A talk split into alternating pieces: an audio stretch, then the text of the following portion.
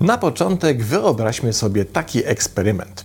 Oto obserwujemy właśnie odkrytą, małą, samowystarczalną osadę, która jakoś dziwnym trafem się uchowała zupełnie odizolowana od świata. Wydaje się, że czas tam się zatrzymał i to bardzo dawno temu.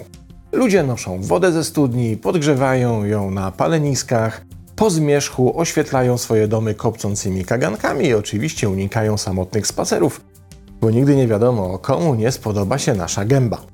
Generalnie średniowiecz, że hej. Eksperyment zaś polegał będzie na tym, że najpierw zmierzymy w jakiś w miarę wiarygodny sposób poziom szczęścia naszych podopiecznych. A później powoli będziemy im zwiększać komfort życia za pomocą technologii, która dla nas jest łatwo osiągalna i oczywista, ale dla mieszkańców wioski ociera się o czary. I powiedzmy, że w skali oceny szczęścia od 0 do 10 początkowy wynik pomiaru wynosi uśrednione 5. Mamy więc mieszkańców w środku skali i zaczynamy badania. Najpierw instalujemy im prąd, żeby już nie siedzieli po ciemku i nie dusili się dymem spalanych knotów. Potem instalujemy wodociąg, by już nie musieli popylać z wiadrami przez klepisko, potem zakładamy ogrzewanie, tak żeby nie tylko mieli dostęp do wody ciepłej, ale też mogli tym sposobem ogrzewać domy. Potem tak organizujemy ich zasady życia, by lanie kogoś po mordzie, po zmierzchu było zarówno mało opłacalne, jak i delikatnie mówiąc passe. W końcu dajemy im internety, by mogli sobie pogadać oraz by mogli połączyć się z resztą świata i sprawdzić, co u tej reszty słychać. Czyli innymi słowy, w wiosce pojawia się postęp, technologia i rozwój oraz kwitnąca świadomość. Następnie wykonujemy ponownie nasz magiczny test na szczęście i aż zacieramy ręce z ekscytacji w oczekiwaniu na to, że tym razem wynik rozwali skalę. A tu niespodzianka, bo wyszło 4, co oznacza, że szczęścia nie tylko nie przybyło, ale nieco go ubyło. Jak to możliwe? Przecieramy więc oczy ze zdumienia i kiedy wychodzimy z szoku, bierzemy się za wywiady, kwestionariusze i inne socjologiczne zabawki.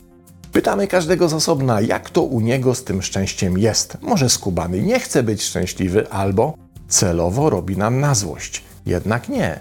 Oni chcą być szczęśliwi i to z roku na rok coraz bardziej, ale problem polega na tym, że również z roku na rok coraz bardziej nie są. Łączą w swoich wypowiedziach szczęście z komfortem życia i nowoczesną technologią, którą ten komfort zwiększa i której wciąż łakną, ale mimo, że jest im wciąż dostarczane to, czego pragną i co według ich oczekiwań ma ich uszczęśliwić, szczęśliwi tak naprawdę są coraz mniej. Teraz drapiemy się w naszą socjologiczną łysą głowę i kombinujemy, jak ten fenomen wyjaśnić. Ktoś ma jakiś pomysł? A zdaje się, że już nie trzeba dopowiadać, że nie chodzi o żadną małą, odizolowaną wioskę, ale o wioskę globalną, a już na pewno tę, która mieści się w tzw. Tak krajach WEIRD, co jest akronimem od angielskich terminów zachodni, wyedukowany, uprzemysłowiony, bogaty i demokratyczny. I w sytuacji, w której postęp cywilizacyjny, technologiczny i konsumpcyjny jest nieproporcjonalnie większy niż ten w opisanym wcześniej uproszczonym modelu. Na zadane wcześniej pytanie odpowiedzi próbuje udzielić dr Mike Brooks, psycholog i autor książki Tech Generation, który podkreśla brak logiki pomiędzy zwiększającym się postępem i rozwojem cywilizacyjnym, a spadającym zadowoleniem z życia i pesymizmem co do przyszłości. I wskazuje pierwszego potencjalnego podejrzanego to cierpienie którego wraz z postępem na świecie nie ubywa, ale przybywa i które wynika innymi ze współczesnego systemu niewolnictwa, przede wszystkim ekonomicznego.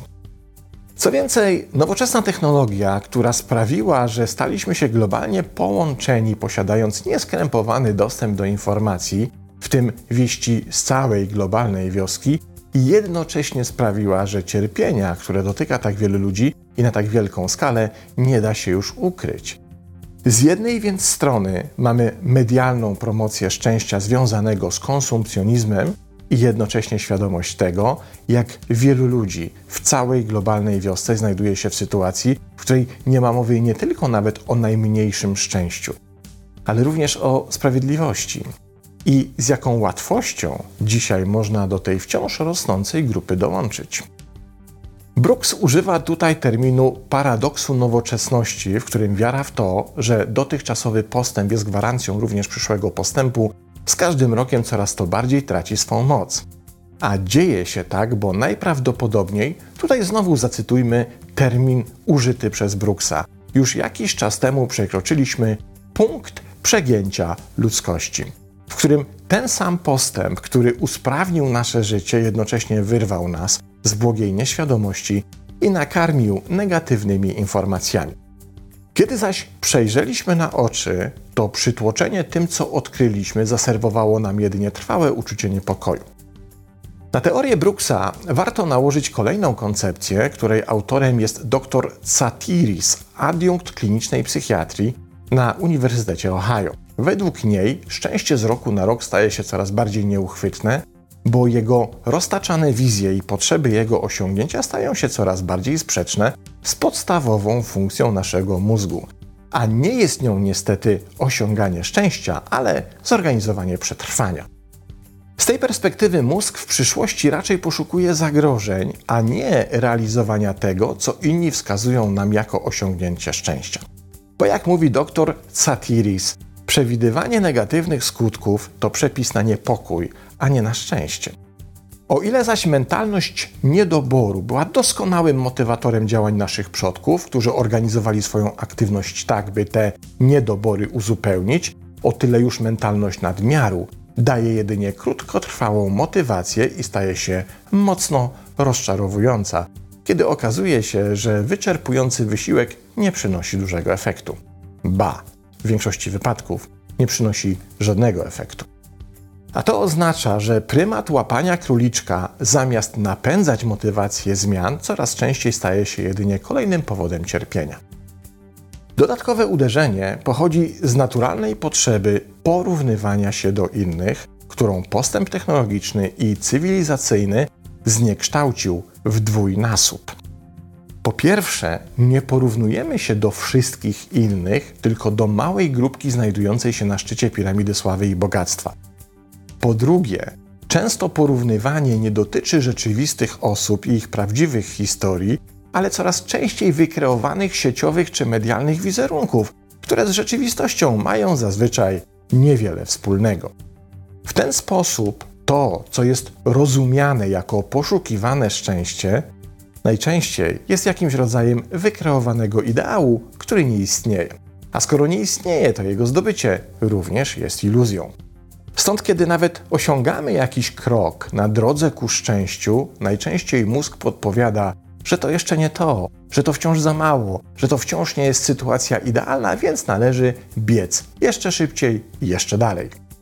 Ten sprint nie wszyscy wytrzymują, co można zilustrować sytuacją, w której trasę maratonu z każdym rokiem zalega coraz więcej zajechanych, niedoszłych zwycięzców.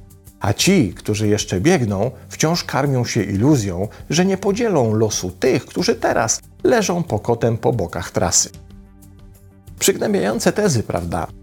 Wynika z nich przecież, że im dalej w las, tym większa iluzja, bo z każdym krokiem okazuje się, że las nie jest prawdziwy, a drzewa, krzaki i niebo to jedynie symulacja rzeczywistości 3D ze sprytnie ustawionych marketingowych projektorów.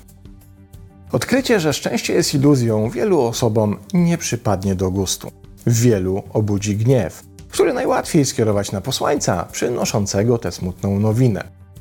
Na szczęście są i tacy, dla których ta wiadomość jest rodzajem uwolnienia albo potwierdzeniem, że mieli rację, kiedy od dawna podejrzewali w tym jakąś ściemę. No ale w takim razie, jak tu żyć, panie dzieju?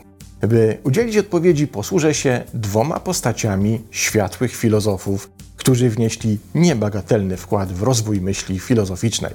Pierwszy to Otis, skryba z Asterixa i Kleopatry, który zapytany, jak to jest być skrybą, z rozbrajającą szczerością odpowiedział, że to nie jest tak, że dobrze czy niedobrze. Drugi to Józef Szwejk, dzielny wojak za cesarza, Boga i ojczyznę, którego postawę zdaje się, że najtrafniej skwitował podporucznik Lukasz, zauważając, że temu bydlęciu jest wszędzie dobrze. Gdybyśmy spytali Szwejka o szczęście, najprawdopodobniej odparłby, że nie jest ani szczęśliwy, ani nieszczęśliwy. Jest szwejkiem i to mu w zupełności wystarczy. Pozdrawiam.